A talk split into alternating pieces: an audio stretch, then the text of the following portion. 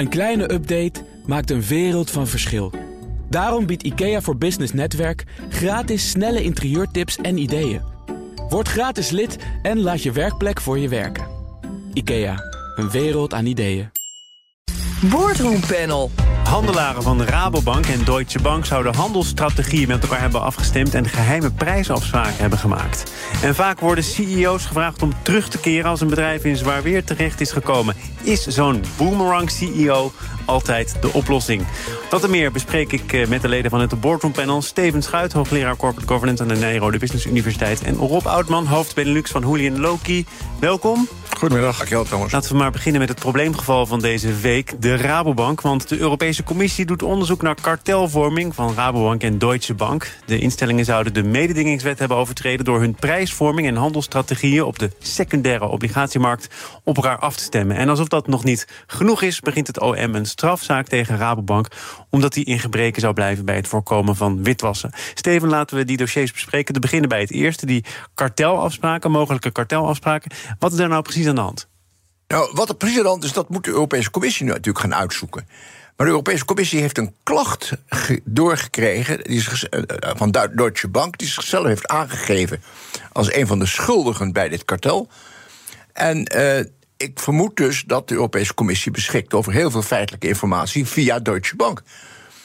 En dat betekent dat ik denk dat dat vooronderzoek niet lang hoeft te duren en dat Rabobank eigenlijk dus best uh, in staat zou moeten zijn om op dit moment een settlement te sluiten met de Europese Commissie. In plaats van uh, dat voor de rechter te brengen. Maar een schikking is natuurlijk ook een soort van schuldbekentenis. Ja, maar als het straks uh, uitgezocht is door de commissie en de rechter erover moet oordelen en ze gaan voor de bijl, dan wordt nog veel pijnlijker. veel erger. Ja.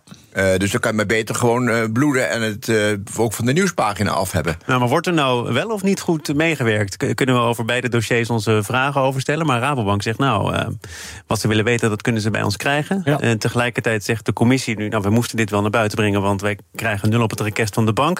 Ja. het blijft een beetje speculeren in dit panel, maar hoe zou het zitten? Ja, dat is een goede, dat is een goede vraag. Er is, blijkbaar liggen harde bewijzen, anders zou, zou het niet uh, ter, ter, uh, ter bedde zijn gebracht. En het, is, het blijft ook wel fascinerend dat dit soort dingen regelmatig terug blijven keren naar de Euribor. wederom zo'n geval. Dus blijkbaar uh, gebeurt het. En, uh, en Deutsche Bank heeft natuurlijk zoveel uh, meegemaakt... dat die dachten, laten we het niet afwachten tot, tot het via iemand anders boven komt. Laten wij het maar naar boven brengen. En dan zijn we in ieder geval, wat er ook uitkomt, verschoond. ja, want dat is wel interessant. Het bij iemand anders neer. Je, je, je, meldt het, je geeft dus aan... ik heb hier volop aan meegewerkt, ja. ik ben ja. medeplichtig, schuldig... Ja. en je komt weg met immuniteit. Ja, dat, is, dat zo, zo, werkt, zo werkt het bij kartelwetgeving in ieder geval... om juist mensen uit een kartel naar voren te halen... want anders is het heel moeilijk te bewijzen. Dus juist om kartels boven, uh, ja, boven tafel te krijgen... zeggen ze, degene die het meldt, die, is dan, uh, die krijgt dan geen boete. Maar dan, dan, moet je zorgen dat je altijd de eerste bent. Ja, ja dat gebeurt, dat, daar is ook uh, zeker wat van een wedstrijd speelt zich af. Wie gaat het eerst naar de commissie toe? Ehm, maar je, moet toch bedenken, Rabo is een enorm grote organisatie, een grote bank met heel veel activiteiten. En uh, dat daar op allerlei niveaus dingen fout gaan, dat is bijna vanzelfsprekend. Uh, en uh, dit kan een relatief geringe zaak zijn, die, omdat die naar buiten komt, veel aandacht krijgt maar uh, uiteindelijk niet veel uh, om, om hakken heeft. Nou, omdat de boete die zou kunnen volgen op die zaak ja. er wel toe doet. Ja, maar zo'n 10% van de jaaromzet. Ja, maximaal. maar dat, alleen als het een, natuurlijk een hele ernstige overtreding is, maar als het niet een grote overtreding is, ja. en dat, uh, je kan ook een kartel met een beperkte omvang. En als de schade die is toegebracht beperkt is, dan is krijg je ook niet de maximale boete. Het zijn overigens wel zaken die, uh, zoals altijd eigenlijk, in het verleden spelen tussen 2005 en 2016. Ja. Het is oud zeer. Ja. Om het maar zo uit te drukken. Ja. Maar Rabobank wordt wel geconfronteerd met heel veel oud zeer. Ja. Wat zegt dat over de cultuur van toen? En misschien toch ook nog wel over de cultuur van nu? Nou, ik denk dat er een aantal dingen zijn gebeurd. Natuurlijk, sinds de financiële crisis zijn eh, banken sowieso een vrij makkelijk doelwit voor, voor heel veel mensen. Eh, omdat ook tot de financiële crisis ook heel veel dingen gebeurden die, eh, waarvan we nu zeggen dat kan absoluut niet. Ik denk dat dat een rol speelt. Daarmee is dus ook zeg maar, alle regulering, alle aandacht van banken, ook het schoon schip maken, is uh, alleen maar toegenomen. En, uh, en met name ook uh, ja, bij, bij witwassen, dat is natuurlijk helemaal natuurlijk van alles gebeurd bij allerlei banken. en nu is natuurlijk Rabo ook een keer aan de beurt. Maar, maar, maar de, de, de praktijk om om dat witwassen tegen te gaan... en om daar ook als bank je verantwoordelijkheid in te nemen. Ik hoorde eerder vandaag bij ons op de radio Marcel Vijver... Uh, hoogleraar accountancy Ja. uh, aan de Nijrode Business Universiteit. Steven, als ik me niet vergis, Ja, die zegt... als je hier al 30 jaar als bank in meer of mindere mate mee te maken hebt... dan is het ook wel je dure plicht om daar iets aan te doen. Ja. En niet alleen maar uh, nu de afgelopen jaren hè, met die WWFT, maar ook al veel eerder. Maar het is een cultuurprobleem, hè? Ja, cultuurprobleem. Ja. Eh, ik, ik heb dat destijds bij ING ook gezegd. Half Ralf Hamers heb ik ooit verweten. Dat hij eh, winst liet voorgaan boven de wet. Eh, en dat blijkbaar dat de cultuur was bij ING. Daar was hij zeer nijdig over, want hij zei: ik, ik had er zelf recht, ni- niks rechtstreeks mee te maken. Maar je hebt er mee te maken, want je bent verantwoordelijk voor de cultuur in de bank. Ja.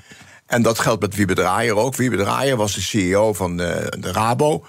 En eh, hoewel ik ervan overtuigd ben dat, ik ken hem, eh, dat hij eh, gewerkt heeft aan die cultuur, blijkbaar onvoldoende. Ja, maar jij zegt net in je eerste antwoord in dit panel... het is zo'n grote organisatie dat daar fouten worden gemaakt. Is Ja. onvermijdelijk. Maar de vraag is natuurlijk, is iets een fout of is iets ingebakken? Nee, ik denk dat, denk dat je het alleen maar kan oplossen met een cultuurverandering. En die cultuurverandering moet gepaard gaan met ook een verandering van het salaris, het, het, het, honoreringssysteem. En waar word je op afgerekend, waar word je voor beloond? Ja, exact. En hoe, wat is de risicobewustzijn in die organisatie? En, ehm, en, en daar is natuurlijk veel te veel Ja. gericht op winst maken... en veel te weinig op, op eh, de, ja, het handhaven van de wet. Ja. Waar je door regulators inmiddels eh, elke werknemer wordt ermee doodgegooid binnen de, in de financiële. En de hoeveelheid mensen die op compliance zijn aangenomen is ook geëxplodeerd. Dus daar is natuurlijk heel hard eh, is daar verandering, heeft daar plaatsgevonden. Maar dat neemt niet weg dat in het verleden natuurlijk heel veel dingen zijn gebeurd die eh, in het licht van nu absoluut niet kunnen. Maar en ook in- niet in de le- In, wet van in, in, in, dat, in dat licht van nu is compliance prioriteit nummer 1, 2 en 3. En dan Ja. hoor ik banken vaak zeggen... maar jij kunt dat ongetwijfeld beter dan ik... het moet wel ergens toe leiden. Ja, nee, anders gaan ze gereguleerd ten onder. Ja. Ze moeten wel geld verdiend worden. Zeker. Nou ja, kijk, het heeft te maken met level playing field. Als eh, banken in Frankrijk dit moeten en in Duitsland, dan moeten ze het in Nederland ook. Ook, ja. Eh, het is een, het is een, een EU-regel. Die moet worden nageleefd. En of die regel nou goed is of slecht, dat is niet aan de Nederlandse, een Nederlandse bank ter beoordeling. Eh zij moeten gewoon naleven. En eh, alle anderen hebben ook die enorme kosten en die enorme aantallen compliance-figuren aan boord. En eh, dat is een grote last, dat, dat herken ik. Maar ja, dat is dan niet anders. Nog even terug naar eh, de eerste zaak, namelijk eh, mogelijke kartelvorming. Nou begrijp ik dat op de secundaire obligatiemarkt... er gaan dagen voorbij dat ik er wat minder over nadenk... Hè, daar worden dus uitgegeven obligaties wederom Ja. verhandeld... Ja. dat die handelaren eigenlijk eh, voortdurend met elkaar in contact staan. Dus heel liquide en ze zijn uiteraard ook met elkaar aan het handelen. Ja, Ehm, en een kleine markt waarschijnlijk, waar iedereen elkaar kent. is, het, is het dan ook niet heel Ja, bijna logisch... Ja. Oeh, hier zeg ik Heel iets wat ik eigenlijk niet meen. Maar Ja. is het niet heel erg voor de hand liggend... dat je dan Ja, wetens en wetens of niet... maar toch een daar, grens eh, daar moet in de tweede room alles worden geregistreerd. Alles. Alle gesprekken, alle, alle e-mailtjes. En dat alle gebeurt appjes. En dat gebeurt ook. En sterker nog, als je dus buiten het systeem om communiceert... en dat is dus bij Goldman Sachs gebeurd en een paar andere banken... krijg je megaboetes. Er wordt nu ook verondersteld dat dat gebeurd is Ja. bij Rabo en Deutsche... om Ja, die ja. officiële kanalen eh, te parkeren... en het op een andere manier dan Ja. maar met elkaar te bespreken. dat is waarom ik ook denk dat eh, als er eh, al straffen worden uitgedeeld. Dat die eh, horen te liggen op het lagere niveau. Op het niveau waar de handel echt werkelijk heeft plaatsgevonden. Dit is niet een zaak waar de Raad van Bestuur bij betrokken is. Het zou me hoogelijk verbazen als iemand zelfs direct onder de Raad van Bestuur hiervan wist. Steven, die raad van bestuur of iemand daaronder moet toch zeggen... ook al ben jij daar op de vloer, ben jij een handelaar, een trader... dit zijn onze grenzen als bedrijf. Ik en die twijfel grenzen stel je dat- toch als raad van bestuur? Ik twijfel er niet aan dat dat ergens staat. En misschien zelfs ook wel met grote letters aan de muur eh, ge- geprikt. Maar eh, de handelaren moeten zich daar dan ook aan houden. En als ze dan via een omweggetje met elkaar gaan afspraken maken, één, één, één tweetjes maken. Ja, dan, En, en dat is ook het grote verschil. Want waar eh, verschil. bij, bij witwassen en, eh, en, en omkopingspraktijken zijn mensen persoonlijk strafbaar. Ja. Hè? En bij dit soort kartelbewegingen is de bank aansprakelijk Ja. en niet zozeer de persoon. ja, Dat is een hele bijzondere eigenlijk. ja. Nu we toch eh, op het juridische vlak terechtgekomen zijn... door naar deel 2 van dit panel. BNR Nieuwsradio. Zaken doen. Thomas van Zeil. Steven Schuit en Rob Oudman zijn de leden van ons boardroompanel vandaag. En omdat jullie er allebei graag je tanden in zetten door naar Pels Rijken. De Nederlandse staat moet vaker van advocaat wisselen. Zo kan de staat als opdrachtgever beter zicht houden op de prijs-kwaliteitsverhouding van de geleverde diensten. Een adviescommissie onder leiding van Jos Silvis, voormalig procureur-generaal bij de Hoge Raad, heeft gekeken naar de relatie van de staat met de landsadvocaat. Pels Rijken mag van die commissie overigens landsadvocaat blijven, maar enige afwisseling zou ook de staat, de overheid, goed kunnen doen. Steven, hoe heb jij de conclusies van deze commissie gelezen? Ja, het is heel belangrijk om te zeggen... de staat moet niet uh, andere advocaten inschakelen... maar kan andere advocaten inschakelen. En uh, ze zijn de onderdelen van de staat... en daar reken ik ook de provincie en de gemeente maar even toe... Uh, die kunnen dus, dankzij dit advies als dat gevolgd wordt, uh, kunnen dus uh, met, uh, hebben iets meer vrijheid om te zeggen wie ze dan gaan inschakelen voor bepaalde zaken. Maar mijn opvatting hierover is gelijk aan die van de procureur-generaal die dit onderzocht heeft. Je bent heel goed af bij Pelsrijken. Het is een uitstekend kantoor met een goede kwaliteit en een brede spreiding van de specialisaties die nodig zijn om de belangen van de staat ja. te behartigen. Ja, wat zegt die commissie namelijk? Uh, je hebt een kantoor dat helemaal gericht is op jouw ja. wensen... waar je op afroep specialisten ja. beschikbaar hebt... waar je overigens al een lange relatie mee hebt. Kortom, als je dat zo leest lekker blijven zitten. Je weet wat je hebt en bovendien kun je rekenen op een goede kwaliteit erop. Nou ja, je moet ze wel scherp houden. En dat is natuurlijk wat er onvoldoende ook is gebeurd. Kijk, het kan, als je heel makkelijk geld verdient, dan kan dat een beetje, kun je ook een beetje uh, lui worden in je, in je governance en je toezicht en interne regelgeving. Dat Sleetsheid, bij ja. Wat dat is natuurlijk bij, bij Pelsrijk uiteindelijk ook intern uh, fout gegaan. Um, en daarnaast, uh, inderdaad, is het ook, dus moet je ook je, je adviseur scherp houden.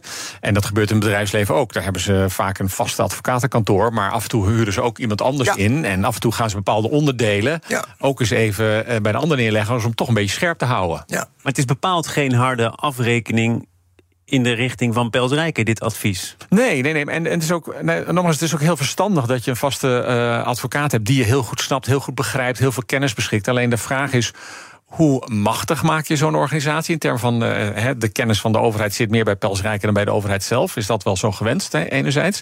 Uh, en zijn zelf ook tamelijk afhankelijk van die overheid. Hè? Meer ja. dan de helft van de omzet wordt gerealiseerd dus met die via overheid. die relatie met de overheid. Dus, dus er, zitten, er zitten enorm veel voordelen aan, denk ik, voor beide partijen.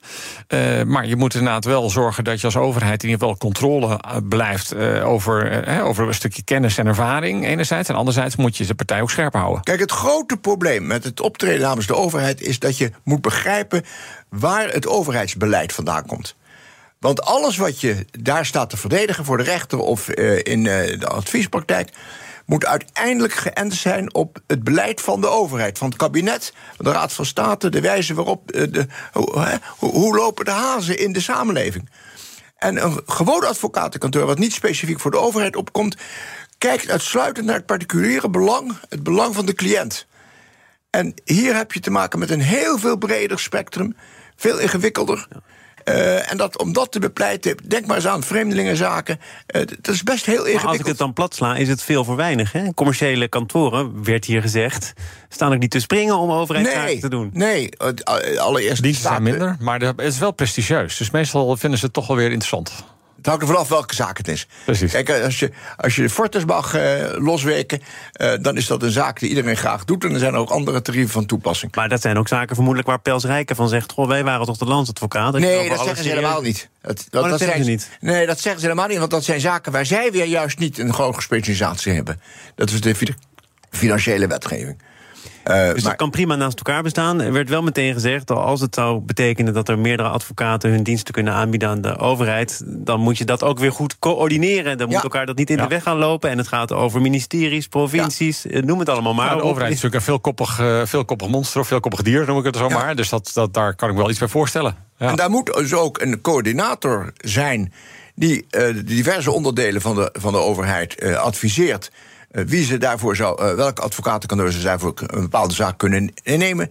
En ik denk dat je dus uh, wat meer weerwerk krijgt van de overheid in de relatie tot uh, Pelsrijken. Maar Pelsrijken is gewoon een uitstekend kantoor. Ja.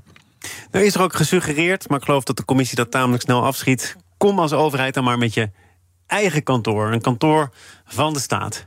Uh, mag ik jou uitdagen, Rob, om dat uh, nou, over te nemen? Of hoe dat, dat niet? Nou, ik vraag me af hoe dat past met het uh, maximum salaris van de minister. waar blijkbaar al een bepaald plafond zit. En of je dan nog wel de talenten aan je weet te binden die je als overheid hard nodig hebt. Denk je dat het vooral financieel is? Want ik geloof dat nou, er ook ik denk, het, is natuurlijk ook een, het is een inherent conflict natuurlijk tussen werkgever zijn en opdrachtgever.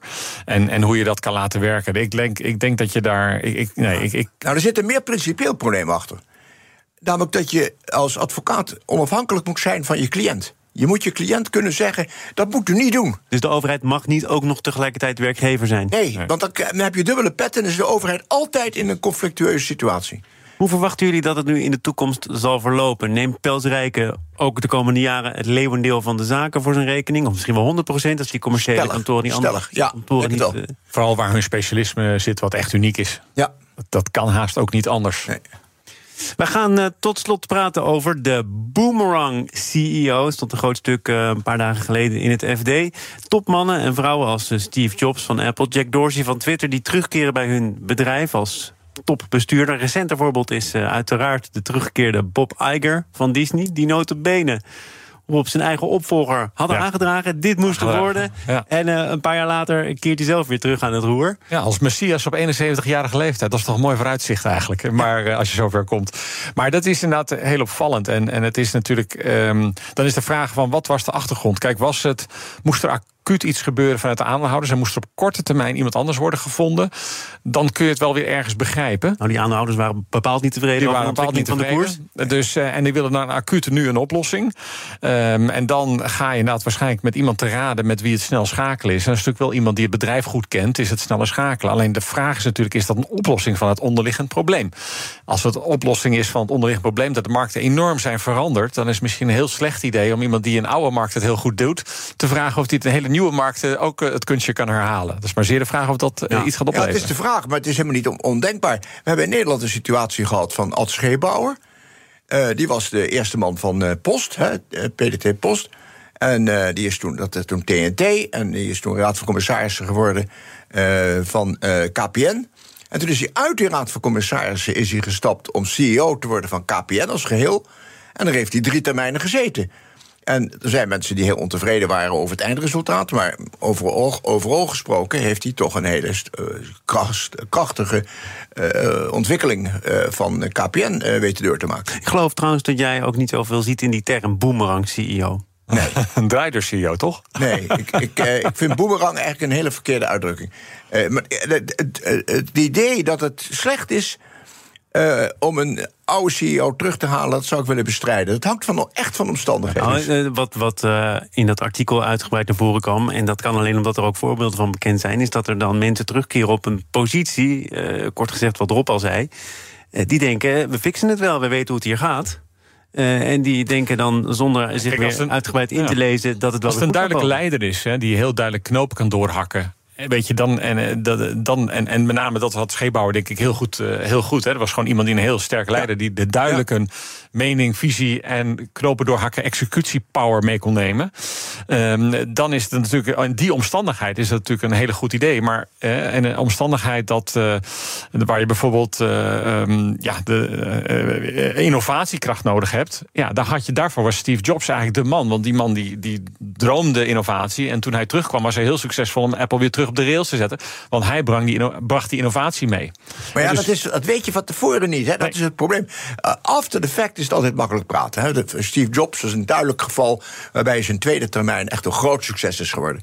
Maar dat zou met Bob Iger ook kunnen. De man is uh, absoluut een, grootheid in Disney World, in de hele uh, uh, filmwereld. is hij, is hij een, een, een man van grote statuur.